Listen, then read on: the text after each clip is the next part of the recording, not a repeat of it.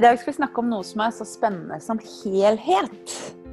At vi er fullstendig, eller fullkommen, eller hva kan vi si, sånn at det er liksom forståelig for folk? At vi er perfekte akkurat sånn som vi er? Til tross for klisjeen?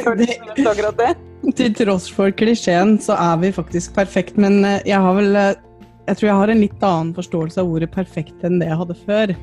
Mm. Um, så det tror jeg vi må forklare litt mer, i hvert fall. Men ja, vi snakker om helhet. Helhet som, som menneske. Eh, både mentalt og psykisk og, og fysisk, egentlig. Ja. Um, men aller mest mentalt, da. Det er jo tross alt det mentale vi dukker ned i og prøver å avdekke for uh, alle sammen, egentlig, hva som foregår bak i kulissene her. Mm. For der er det mye som ikke vi har tenkt over, og som jeg i hvert fall ikke har lært om noe sted. Mm. Eller inntil jeg lærte om det, riktignok. Ja, for da føler jeg egentlig at vi kunne ha lært om det ganske mange steder, men på polletten hadde på en måte ikke ramla ned før for noen år siden, og da så jeg mer eh, overalt at eh, man på et sett og vis blir fortalt det her, da. mm. Så helhet eh, handler jo litt om eh, Ja, eh, som du sa, at vi som menneske er perfekte akkurat sånn som vi er. Ja. Så det, det er dagens tema. Yes.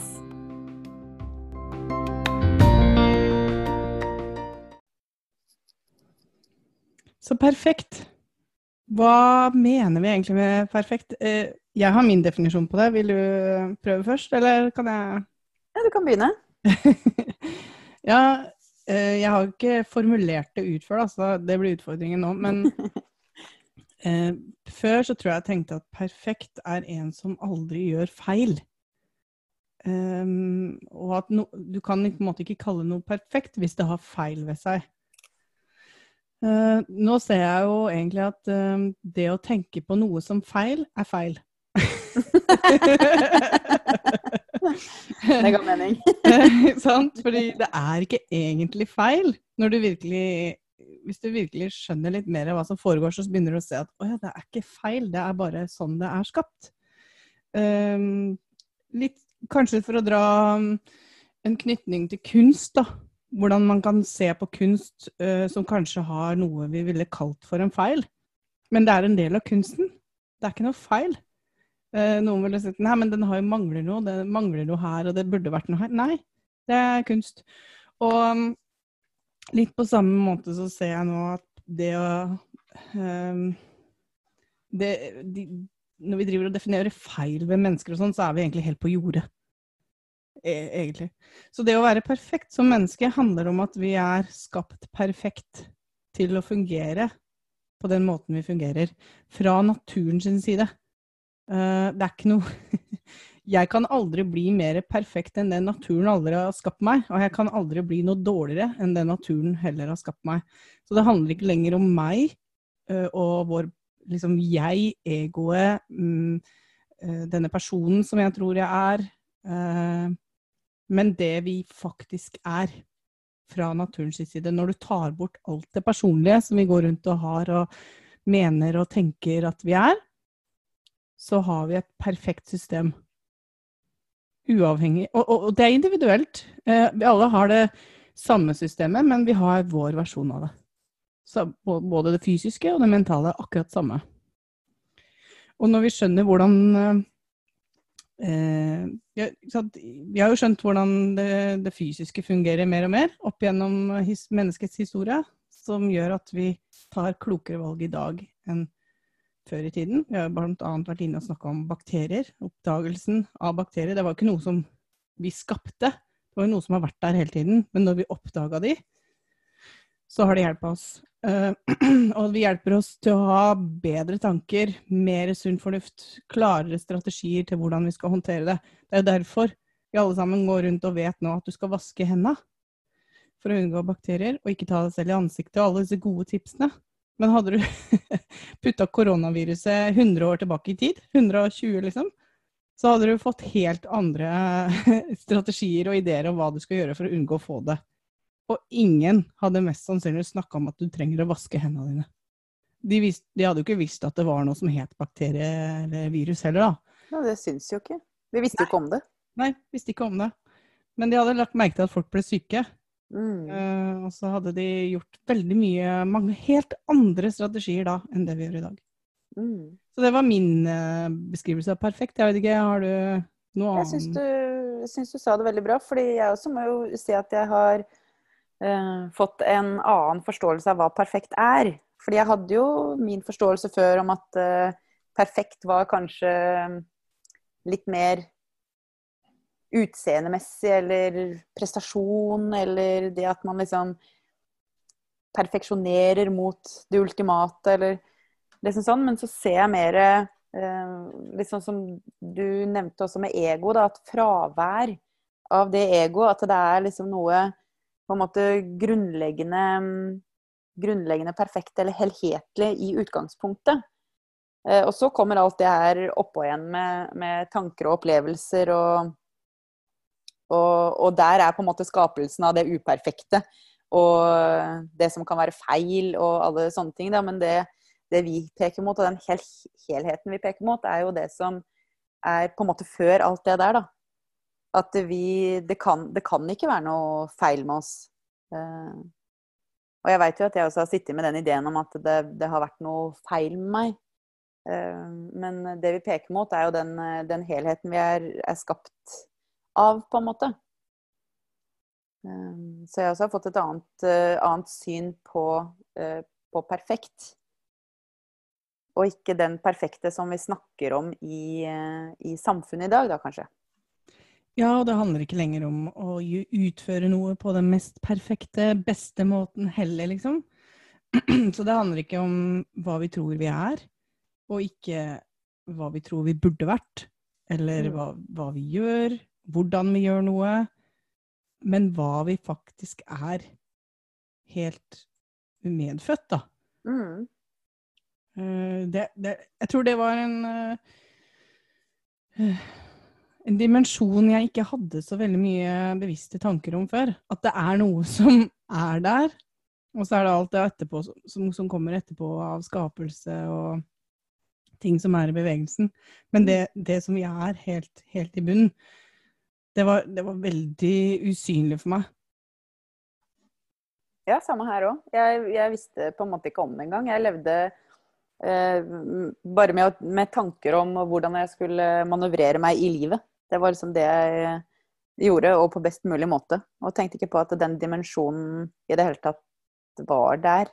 Eller jeg tenkte kanskje på det, men i hvert fall ikke på noe sånn måte som jeg gjør nå, som jeg ser mer av hva som på en måte skjer bak eh, sceneteppet eller i kulissene, på en måte, da.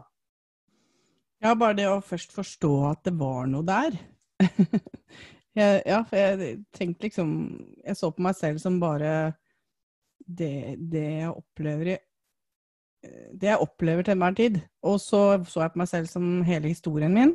Mm. Og alle mm, merkelappene som jeg putta på meg selv. Denne personligheten som vi alle snakker om, som er en fiktiv ting som ikke kommer eh, medfødt. Men vi snakker om det som om det er sant, da. Mm. Uh, og det å oppdage at det ikke er sant, fordi at idet du Idet du henger deg fast i at uh, det er liksom gode og dårlige personligheter, eller det, personlighetstrekk, så blir det jo noe å jobbe med. Og så er det ikke egentlig noe å jobbe med. Det er bare Jo, vi har skapt noe. Vi er i bevegelse når vi driver med det, da. Altså, det er en, en ting man kan bruke livet sitt på. Mm. Eller, eller ikke, da.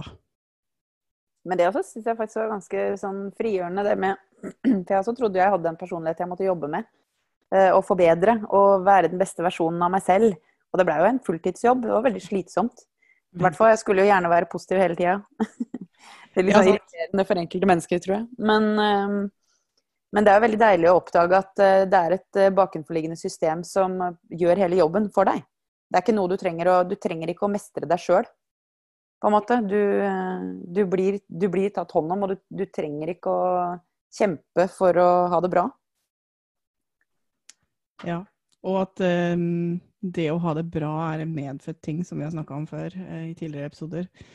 Det er ikke noe vi, vi tilegner oss hele tiden, eller får tak i gjennom ting vi gjør eller er. Eh, Det er en følelse som vi er født med. Mm. Det er sånne Det har snudd veldig opp ned på hvordan jeg forstår livet. Mm. Så det med helhet er at vi er, har alt dette, da. Det har vi alle sammen medfødt. Det er en del av det systemet, det, eh, det vil si å være menneske.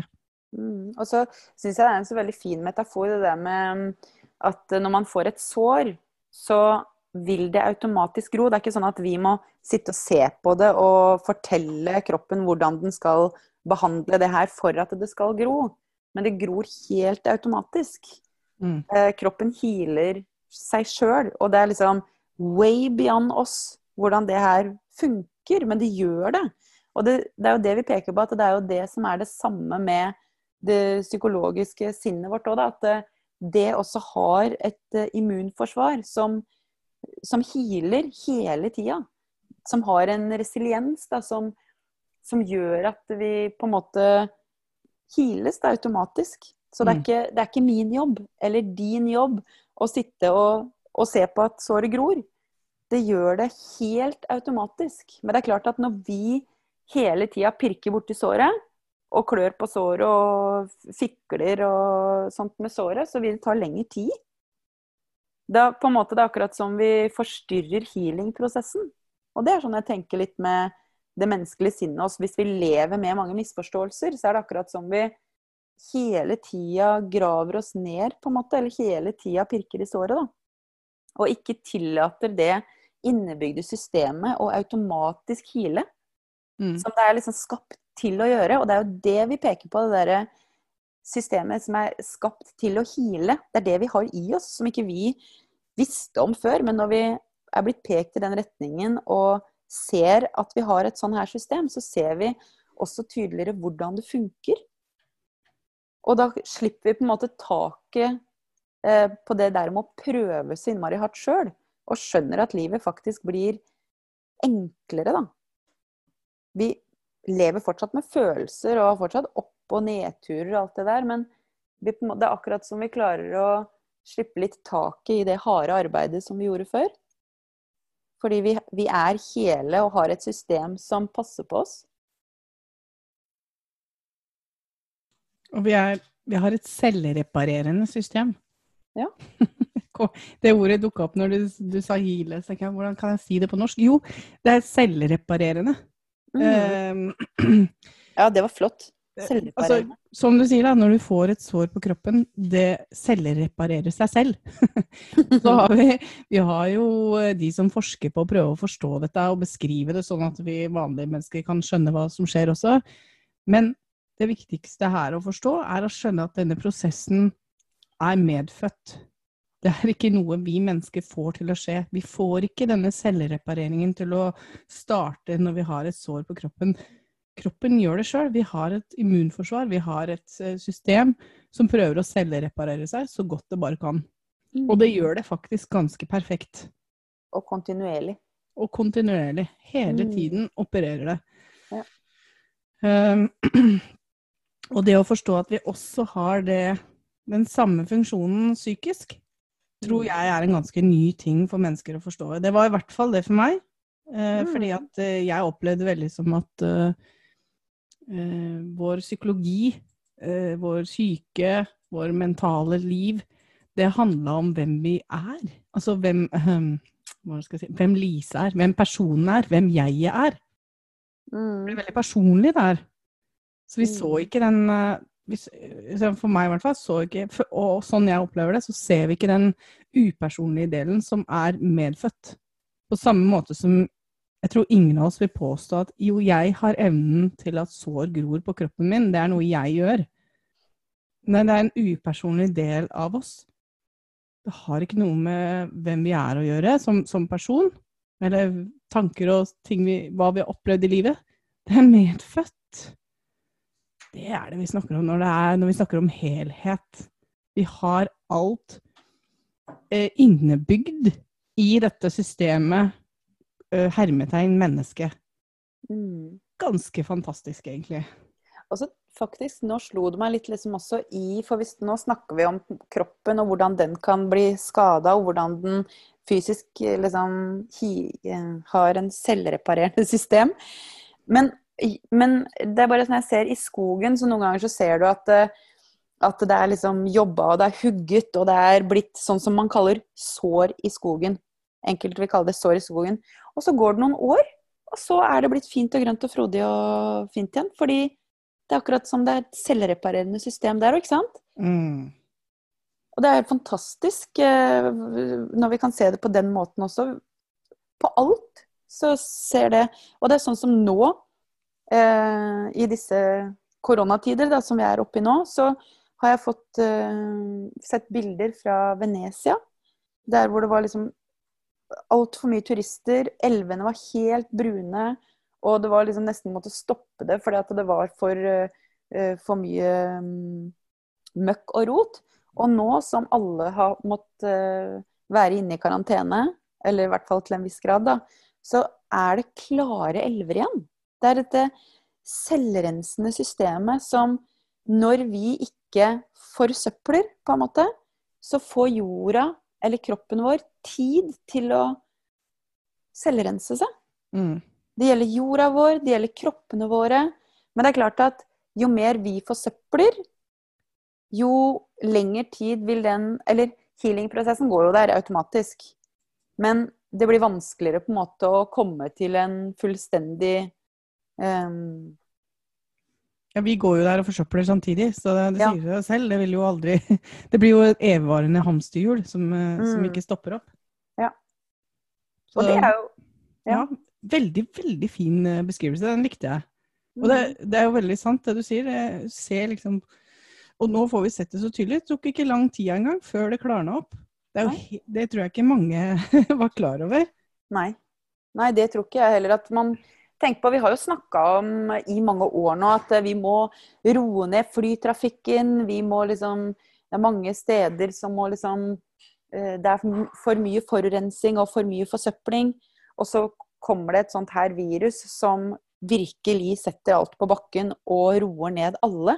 Og så kan man se positive effekter av det. På hvordan når vi liksom trekker oss tilbake, så Og ikke Det er litt sånn som jeg sa med en gang, når vi ikke driver og gnager i såret, eller driver på og peller på såret, da vil det hile seg av seg sjøl. Mm. Det er en sånn derre fantastisk eh, helbredende system som hele verden har, da. Og vi som mennesker også, både mentalt og fysisk. Men det mentale har jo for veldig mange vært, og er, usynlig. Ja. Så det er derfor mange tror at de må kjempe seg gjennom livet. De må lære seg å mestre en ny ting på hvordan må- bli en bedre ja. versjon av seg selv, eller Uten å vite at de aldri kunne blitt en bedre versjon. Nei. Og det egentlig er forurensningen. Så det er Ja. å opprettholde problemet, da. Det er det som er liksom Uh, the trick of the mind, på en måte. For Mm. jeg, jeg satt jo i min uh, totalt elendige depresjon i nærmere 20 år, og selvfølgelig fryktelig vanskelig å si å skulle si til en person i den situasjonen at hei, dette skaper du sjøl. Men det er virkelig ikke bevisst. Overhodet ikke. Hadde, hadde jeg Nei. visst at jeg hadde et valg, så hadde jeg garantert ikke gjort det. Nei. Eh, men når, så, og derfor også så lett falt det bort. Når jeg ble klar over at det var det det var, så faller det lett bort. Fordi det blir helt ulogisk å fortsette å holde på med det jeg dreiv med, når jeg innså at det var totalt unødvendig, og at det var på en måte forurensninga, da. Ja. Men det tar oss jo liksom litt eh, For da vil jeg stille et spørsmål med det derre Hva er det som gjør oss uhel? Mm. For det er jo akkurat det vi på en måte beveger oss litt sånn inn i nå. Ja. Um, fordi i utgangspunktet så er vi hel. Så Mm. hvorfor er vi der hele tiden at vi er uhel? At vi går rundt og sier vi er uhel? Det er, um, det er jo det store spørsmålet som jeg er helt sikker på mange av lytterne lurer på nå. Ja, men, ja, men Hvorfor? Jeg, for jeg, jeg legger merke til eh, folk rundt nå. Jeg sitter jo på hjemmekontor eh, i hverdagen, og for meg går det helt fint. Jeg har ikke noe problem med det. Nå har jeg ikke noe småbarn da, som kommer og forstyrrer hele tiden. Jeg har en katt riktignok som kan forstyrre ganske mye, og en, og en samboer, men Men, eh, men eh, så har jeg kolleger også som, som klager over at nei, til, situasjonen ikke At de trenger å komme seg på jobb igjen. som, som kanskje har litt mer eh, dårligere opplevelser rundt det vi sitter i. Og så kan jeg lese på sosiale medier og i nyhetene hvordan folk liksom å, Det blir litt, for meg litt sånn krisestemning til tider. Når man sier åh, folk kommer til å bli så dårlige av å sitte hjemme hele tiden, at de ikke kan gå ut og være sosiale mennesker, at vi tar bort en veldig viktig ting av det å være menneske. At vi ikke kan være sosial. Uh, og dette forstår jeg ikke så veldig mye av lenger, da. Jeg hadde kanskje skjønt uh, Jeg tror ikke jeg hadde skjønt det før, for jeg satt jo stort sett bare aleine. Men, men uh, jeg skjønner på en måte hvorfor det oppstår, men det er jo igjen fordi vi tror at vi trenger noen av disse tingene, da. Ja. Vi har skapt et behov som vi tror vi har, og da må vi jo selvfølgelig fylle det. For når vi ikke får fylt det, så vil vi jo jobbe med å finne ut hvordan kan jeg fylle det. Mm. Og det var jo det jeg også gjorde før. Jeg lagde jo et eller annet behov om at jeg ikke var Eller i utgangspunktet, jeg var jo ikke god nok, og jeg følte meg veldig dårlig. Så for å føle meg bedre, så måtte jeg gjøre ting for å føle meg bedre. Og en av de tingene er å få anerkjennelse, få ros. Altså hvordan jeg hele tiden prøver å gjøre ting for andre mennesker, eller hjelpe andre hele tiden. Jeg stoppa jo aldri opp til å virkelig hjelpe meg sjæl. For da var det jo ingen der til å gi meg anerkjennelse. Men jeg ble jo veldig dyktig på å presse meg selv på å prøve å hjelpe andre som sleit, da. For det, eh, jeg ville i hvert fall ikke at andre skulle ha det, noe, ha det så dårlig som jeg hadde det, så da skulle jeg gjøre mitt for å passe på at de fikk det bedre. Så du hadde egentlig en sånn met? Nei, du hadde egentlig en metode med å for, for at du skulle føle deg bedre, så skulle du få andre til å føle deg bedre, så du kunne føle Ja. deg bedre. Ja. Det, er jo, det blir jo et evigvarende hjul. Det blir jo det rotteracet som vi har Ja, så må jeg gå ut og finne noen som trenger det hele tiden, Ja. da.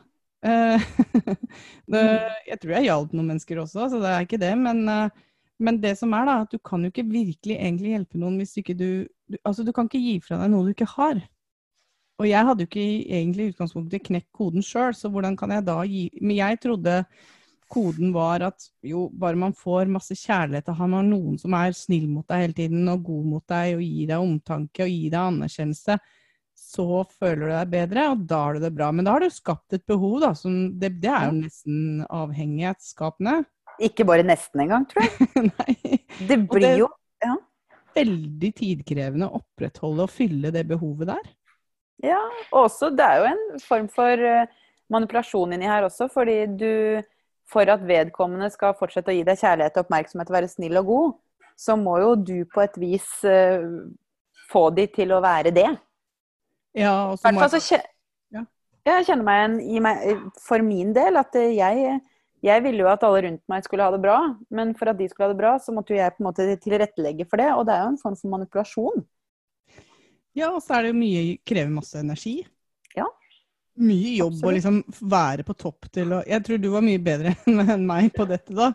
Eh, Jeg, kunne, jeg var nok bare den som Hvis jeg traff på lykkelige mennesker, så Nei, jeg har ikke noe å gi deg, på en måte. Jeg har ikke noe verdi å tilføre livet ditt, fordi jeg, jeg er ikke lykkelig. Your job is done.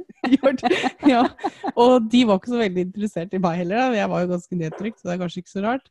Uh, mens um, hvis jeg traff på andre Derfor så var det jo lettere å være sammen med andre som også sleit. Fordi du, man kjenner seg igjen, og her har jeg, føler jeg at jo, her kan jeg tilby deg noe. Deg kan jeg tilby. Jeg kan hjelpe deg, for dette, dette forstår jeg. Jeg sitter i det selv. Eh, men vi ser ikke at det vi driver med er på en måte et slags narkotika. Da. Altså, jeg Ja. mener ikke å sammenligne det med rus, men å sammenligne det mer med det vi gir Det er ikke egentlig hjelp. Det, det er sånn jeg forstår det nå. Det er jo egentlig eh, en måte å opprettholde misforståelsen på. Opprettholde avhengighetsforholdet til det behovet man tror man har. Ja. For det, det, blir jo en form for avhengighet, det òg, som Alt kan jo på en måte bli en avhengighet. Og der har du rus og alkohol og Men du, liksom alt kan bli en avhengighet, da. Eh, Og det å prøve å få andre folk til å bli glad også kan bli en avhengighet. Mm. Eh, Fordi når du tror at det at du får andre til å bli glad, gjør at du har det bra, da er du ute å kjøre.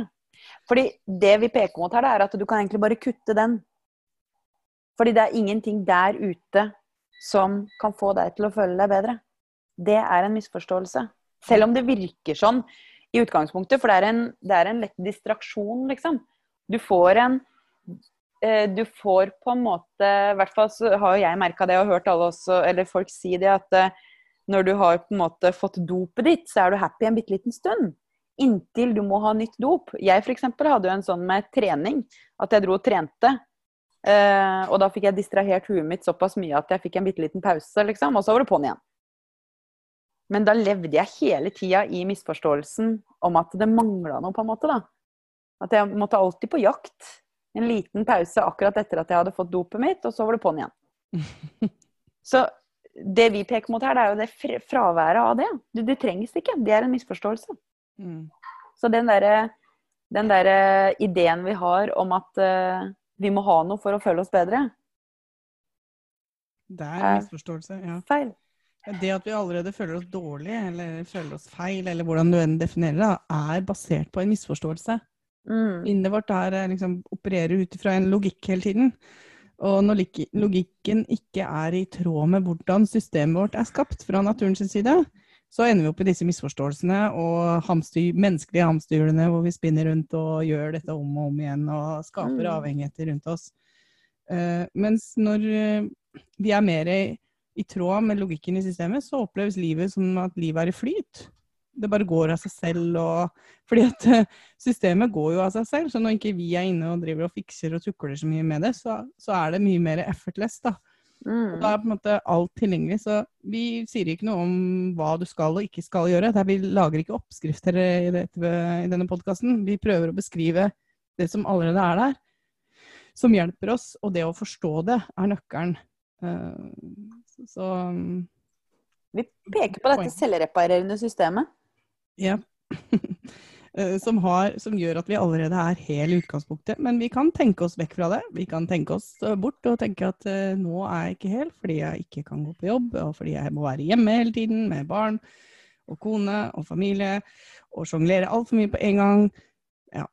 Men vi er fremdeles hel, da. Mm. Det spørs bare hvilke tanker har du lagt oppå det som tilsier at det ikke er det. Mm. Veldig ubevisst for at, for at vi har det.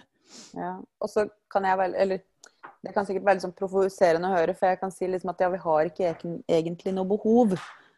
Og da vi, vi er jo liksom tilbake til dette mentale sinnet, da. Eh, så vi snakker ikke om at vi ikke trenger mat, eller at vi ikke trenger søvn, eller Det er på en måte ikke vårt felt i det hele tatt. Vi skal ikke si hvor mange ganger du skal spise om dagen, eller noen ting. Det er liksom andre folk skal få lov til å snakke om det. Ja. Men du, Du kan bare kjenne etter, for kroppen din sier ifra. Ja. Men ja, vi snakker si om det mentale. Heller, det, men det blir igjen en annen samtale, da. Ja.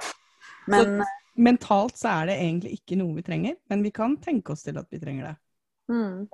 Uh, og det er jo litt spesielt. Ja. Og så fort vi tenker at vi trenger det, så setter vi oss selv i en uh, uh, knipe, på en måte, da.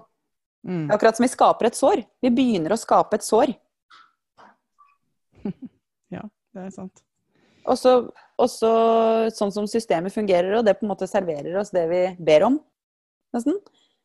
Så når vi opplever at vi mangler noe, så vil vi få bekreftelse på at det er sant. Eh, og så vil vi forsterke dette her, og tro mer og mer på det. Og det er ja, inntil vi oppdager at eh, vi lever på en misforståelse, da. Mm. Så hva som er misforståelsen i ditt liv, kjære lytter, er jo individuelt. Det kan ikke vi sitte her og fortelle. Vi, vi forteller ut ifra de misforståelsene vi kjenner til og har hatt. Eh, men, men det, det, vi ser, og det vi opplever hele tiden, er at når vi gjennomskuer misforståelsen, så skjønner man at den bare er en illusjon som skaper virkeligheten i øyeblikket, og, som, og derfor også følelsen. Følelsen den kommer jo bare fra det man tror og den virkeligheten man står i nå. Så vi kan ikke egentlig bruke følelsen til å bekrefte om noe er sant eller ikke. Det er, det er også en misforstå misforstående måte vi bruker den funksjonen følelser i mennesket. Uh, at vi bruker det for å si om noe er rett eller feil, eller sånne ting. Når det ikke lenger handler om rett eller feil, mer, eller god eller dårlig, men mer om å forstå hvordan funker dette systemet, og at dette systemet, som er medfødt, innebygd, det funker på samme måte hver gang. Så se den, det som er konstant der, eh, kontra ikke se så vi, vi, er så veldig lurt, eller forstyrra av å se på bare det som skjer i innholdet. Akkurat her og nå, hele tiden. Så Akkurat nå så snakker de fleste om korona, for det er det som er innholdet nå. Um, når korona har gått over, så er det noe annet vi snakker om, for da er det det som er innholdet da. Men det veldig få snakker om, da, som er det vi prøver å påpeke, er dette systemet som gjør at det hele tatt er mulig å snakke om noen ting. det som gjør at, det er, at vi har en opplevelse. Og, og, og, da den faktiske kilden til alle opplevelser. Eh, og, en, og, det å ha et behov er en opplevelse. Å se at det, det, behovet har blitt skapt fra dette samme systemet. Og når du skjønner hva det er, at det er bare en sånn medfødt ting, uh, og at vi egentlig ikke har disse behovene Legg merke til hvordan uh, du kan Jeg tror jeg tok det samme eksempelet forrige gang. Når du har lyst på en is, det behovet dukker opp da. Jeg må ha is nå, eller jeg må ha sjokolade. Eller jeg må ut og sykle nå. Jeg må ut og løpe. Jeg kan ikke sitte inne. Alle disse behovene. De kan gå over. Vi må ikke gjøre de tingene. Altså, det, det, er sånn man føler det i øyeblikket. Det er ikke noe feil med det. Betyr ikke at vi må handle på det. Fordi vi bruker den følelsen, den opplevelsen gir oss, til å bestemme hva vi skal gjøre med det. Hvilke handlinger vi skal ta. Da tenker vi at å ja, da må jeg gå ut og løpe. Da må jeg spise sjokolade. Da må jeg gjøre det. Men vi, har, vi, vi, bygger det på følelse. Men hva er følelse, da? Nei, følelse er ikke noe sannhet.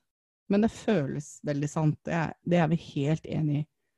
All opplevelse vi har, føles helt ekte ut for oss. Og det er jo, for det også har jeg litt tenkt på det der med det med å, ha lyst på noe. For eh, det er så mange som Ja, men jeg har lyst på det, så jeg bare må ha det. Så bare det at du har lyst på noe, er bare fordi at du har måte, glamorisert i huet at eh, det er så fint. Og derfor skaper det en følelse av lyst. Eh, det kan være godteri, og det kan være mat, og det kan være en tur. Det kan være hva som helst som du liksom har lyst på, men så fort du blir distrahert, så vil den tanken forsvinne. Og så har du glemt bort at du har lyst på det. Så mm. det at man har så innmari lyst på det, bare må ha det, det, det varer inntil du har glemt det. Ja, og det kan hende du glemmer i det du får det. Eller du glemmer det når det dukker opp noe annet. Men poenget er at du glemmer det. Det, det behovet slutter å eksistere i opplevelsen din. Mm. Det er det som gjør det. Og det er ikke sånn at det behovet slutter å eksistere fordi du får behovet oppfylt. Nei, det slutter å eksistere fordi tanken forsvinner. Ja. Systemet har gått videre til det neste. ja. Men det var, det var faktisk litt sånn derre jeg bare Nei, men nei, nei, nei behovet er der. Eh, så bare Nei, behovet er der når du tenker at du må ha det. Det er ikke noe mer hokus pokus enn det, egentlig. Det er ikke sånn at uh, Du kan selvfølgelig dukke opp de samme glamoriserende tankene som gjør lysten til å komme tilbake, det er ikke det. Men uh, ønsket og lysten er der så lenge tankene er der. Når tankene forsvinner, så forsvinner lysten òg. Eller følelsen, da. Mm.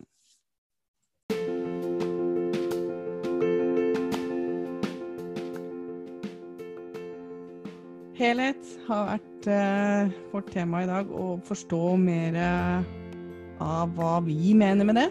Som kanskje er litt annerledes enn hva du har tenkt på før, kjære lytter. Uh, men uh, vi håper vi har sådd noen nye korn i løpet av denne episoden. I å se at du allerede er hel. At det er noe som er der før alt det andre du er vant til å drive og styre med til vanlig når du tenker på mental helse og psykisk helse. At vi har noe underliggende medfødt. Så vær litt nysgjerrig på å skjønne mer av den biten der.